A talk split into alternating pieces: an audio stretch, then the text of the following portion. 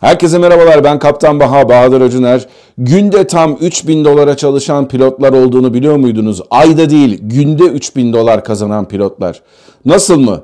Birazdan Kaptan Baha'da. Ladies and gentlemen, welcome aboard. This is your Kaptan Baha.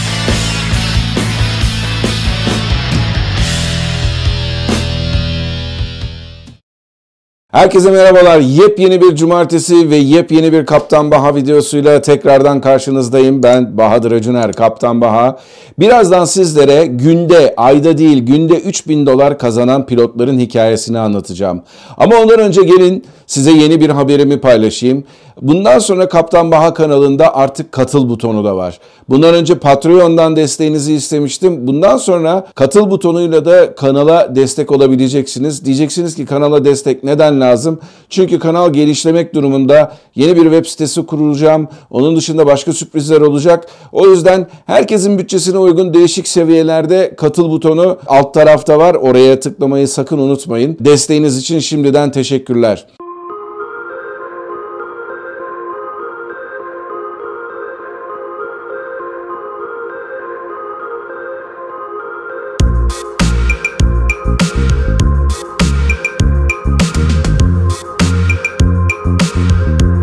Pilotluk sadece havayolu pilotluğu değil. Aynı zamanda değişik ortamlarda karga pilotluğu var, havayolu dışında olan pilotluklar var. Örneğin buş pilotluğu var. Bir de aynı zamanda iş jeti pilotluğu var. İş jeti pilotluğu derken neden bahsediyorum? Sadece jetler mi oluyor bunlar? Tabii ki değiller. Bunlar aslında King Air gibi, Karavan gibi, Pilatus gibi turboprop uçaklar da oluyor ama amacımız bugün anlatmaya çalışacağım size o kavram içerisinde e, özel uçak pilotluğu diyelim buna. Kariyerinizde ilk olarak uçuş okulundan mezun oldunuz. Ondan sonra mutlaka herkes bir hava yolunu hedefliyor. Belki de bir hava yolunun sponsorluğu aracılığıyla bir hava yolunun akademisinden mezun oldunuz.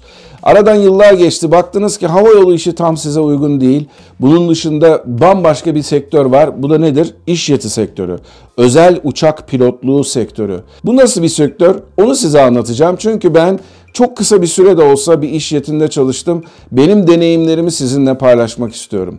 Şimdi her şeyden evvel bu sektör çok çok farklı hava yollarına göre. Çünkü hava yollarında özellikle yolcu taşıyorsanız ne yapıyorsunuz? Aylık bir programınız çıkıyor. Bu çıkan programa göre gideceğiniz, geleceğiniz yerler belli. Hava yollarının e, çok fazla programda değişiklik yaptıkları söz konusu olmuyor.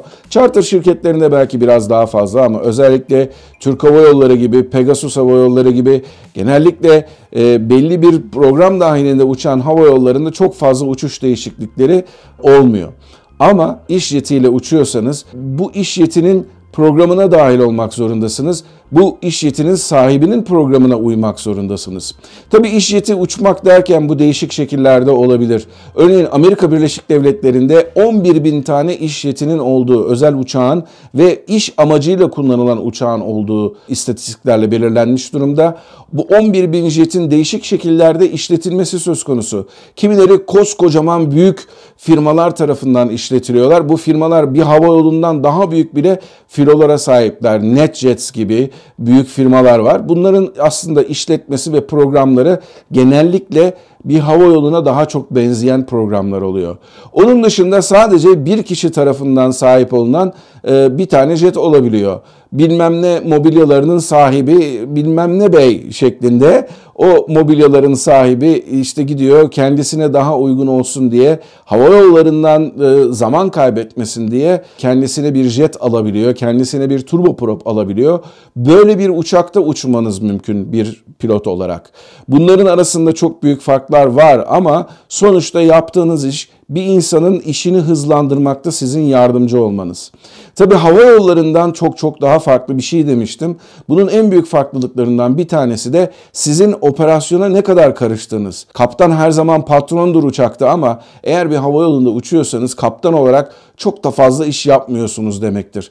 Neden? Sizin uçuş planınızı dispatch hazırlıyor. Sizin yer işlerinizi yer görevlileri hallediyor. Sizin uçakla ilgili teknik, teknik olarak bir aksaklık olduğu zaman onu teknisyenler hallediyor ama iş yetinde özellikle de özel sahipler için uçuyorsanız bu öyle olmuyor.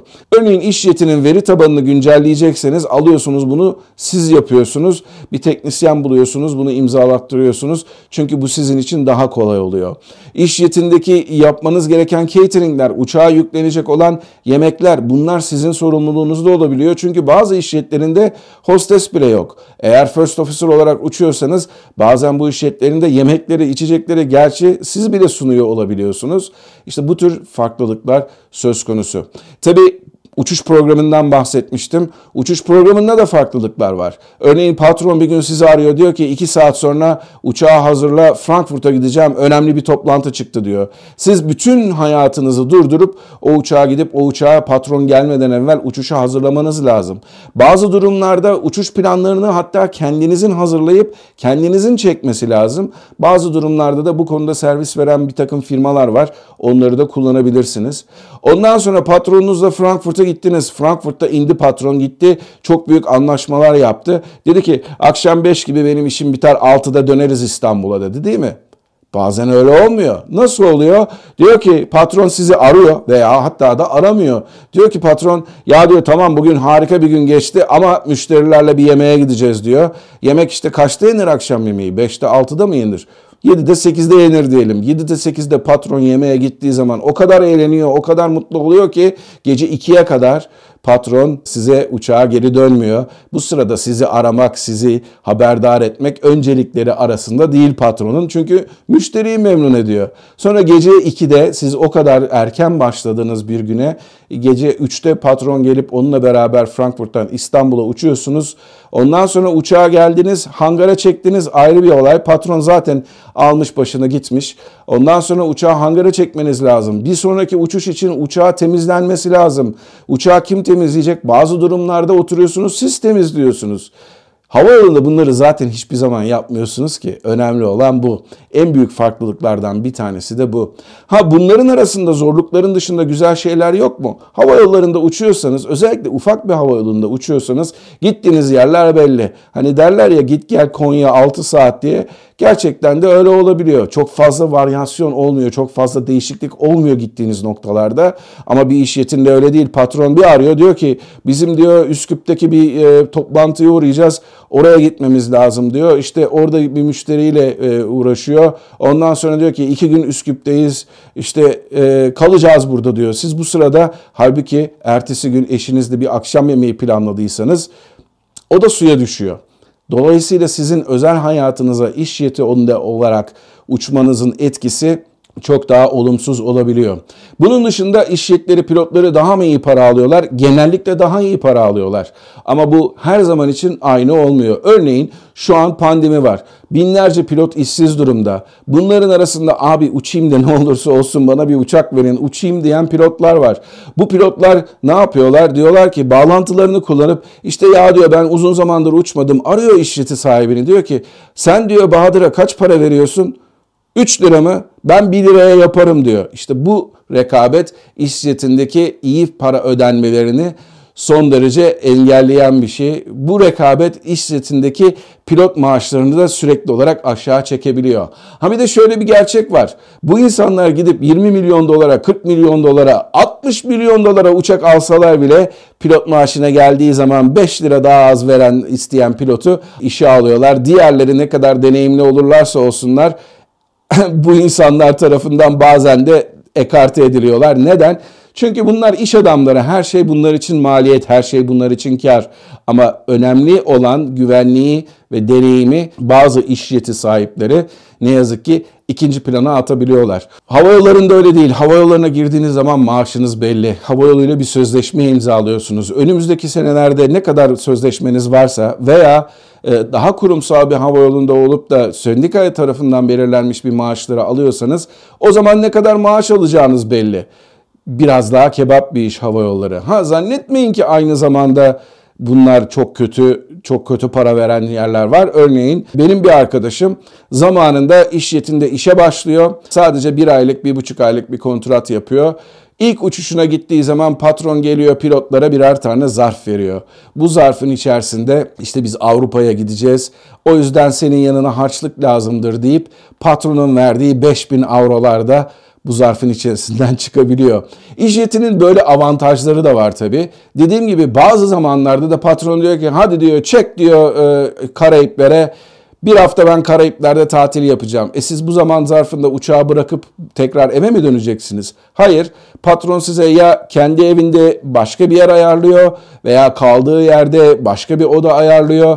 En kötü ihtimal belki de kendi kaldığı otelde değil ama e, ona benzer başka bir otelde otel odası kiralıyor ve bu sayede siz bir hafta boyunca Karayipler'de patronun cebinden tatil yapmış oluyorsunuz. İşte iş yetinin bu türden de avantajları var. Tabii bu işleri almak o kadar kolay değil. Hani derler ya ekmek aslanın ağzında. Ne diyelim bu iş yeti işleri de motorun dibinde filan mı desek bilmiyorum. Bu işleri almak için yapmanız gereken en şey, en önemli şey bağlantılarınızı sağlam tutmak. Bir uçak uçuruyorsunuz diyelim ki Falcon 8 ve Türkiye'de bundan bir tek siz uçuyorsunuz. Başka bir firmanın sahibi de aynı uçaktan almış. E, elinde yetişmiş elemana ihtiyaç var. O zaman ne olacak? E tabii ki başka birine gidip de eğitime para harcamak için unutmayın patronlar cimridir. Geliyorlar size iş teklifinde bulunuyorlar. Diyorlar ki kardeşim gel bizde uç ben sana 10 lira fazla vereceğim diyorlar. Böyle şeyler de söz konusu. Ama tabii ki dediğim gibi iş yetleri özellikle ekonomideki iniş ve çıkışlara son derece hassas bir şekilde bağlılar. Hava yolları kadar onlar da bağlılar ama hava yolları o kadar hassas değiller. Bir de iş garantisi olayı var. Bir hava yoluna girdiğiniz zaman eğer hava yolu küçülmeye gitmiyorsa Bundan sonra sizin oradaki işiniz neredeyse garanti gibi. Hani çok büyük aksaklıklar olmazsa, çok büyük hatalar yapmazsanız siz orada 10 yıl boyunca, 15 yıl boyunca hatta ve hatta emekli olana kadar uçabiliyorsunuz. İş yetinde bazen öyle olmuyor. Patron gidiyor, atıyorum Cessna Citation alıyor. Siz başlıyorsunuz iş orada uçmaya. Aradan 5 sene geçiyor, kaptan oluyorsunuz vesaire vesaire derken Arkasından bir bakıyorsunuz patron diyor ki ben diyor bombardiyer aldım. E peki bombardiyer aldığım için sen citation pilotusun. Ne yapalım kusura bakma kardeş yolları ayırmamız lazım. Bizim Ahmet abi var onun oğlu Bombardier'de zaten type ratingi var. Ben sana niye oturayım da type rating'e para vereyim diyor. Ve arkasından sizi işten çıkarıyor. Veya tam tersi oluyor. Ekonomide küçülme oluyor. İş yeti bir anda bakıyorlar ki patronların her zaman sorunudur bu. Güzel bir şey olacak diye parayı yatırırlar. Ondan sonra bakarlar ki iş yetinden para kazanılmıyor. E, uçağı satalım o zaman derler. O zaman tak diye siz de açıkta kalabiliyorsunuz. İşte iş yetinin böyle güzel yanları da var, kötü yanları da var. O yüzden deneyimi kazandıktan sonra böyle bir ortamda çalışmak ister misiniz, istemez misiniz? O tamamıyla sizin bileceğiniz iş. Ama bu da pilotluk açısından, kariyer açısından bambaşka bir iş olanağı. Şimdilik benden bu kadar. Unutmayın her cumartesi akşamı sizlerle bir tane videoda karşınızdayız. Onun dışında bu videoların sesleri podcast'te hem şimdi iHeartRadio'da hem Google'da hem de Spotify podcast'ta yayınlanıyor. Eğer videoları kaçırırsanız yolda giderken veya iş yetinde patronu çaktırmadan dinlemek istediğinizde podcast'leri indirebilirsiniz. Unutmayın hem aşağıda Patreon için link var hem de aynı zamanda katıl butonu var. Kanalıma destek olursanız çok sevinirim. Çünkü dediğim gibi kanalı genişleteceğiz. Bir sonraki cumartesi bambaşka konularda buluşmak üzere diyorum. Hepinize Almanya'dan iyi günler. Kendinize iyi bakın ama her şeyden önemlisi sağlıklı kalın. Görüşmek üzere. Şimdi diyeceksiniz ki Kaptan Baha videoyu bitirdin ama bize 3000 dolar günde nasıl kazanıldığını anlatmadın.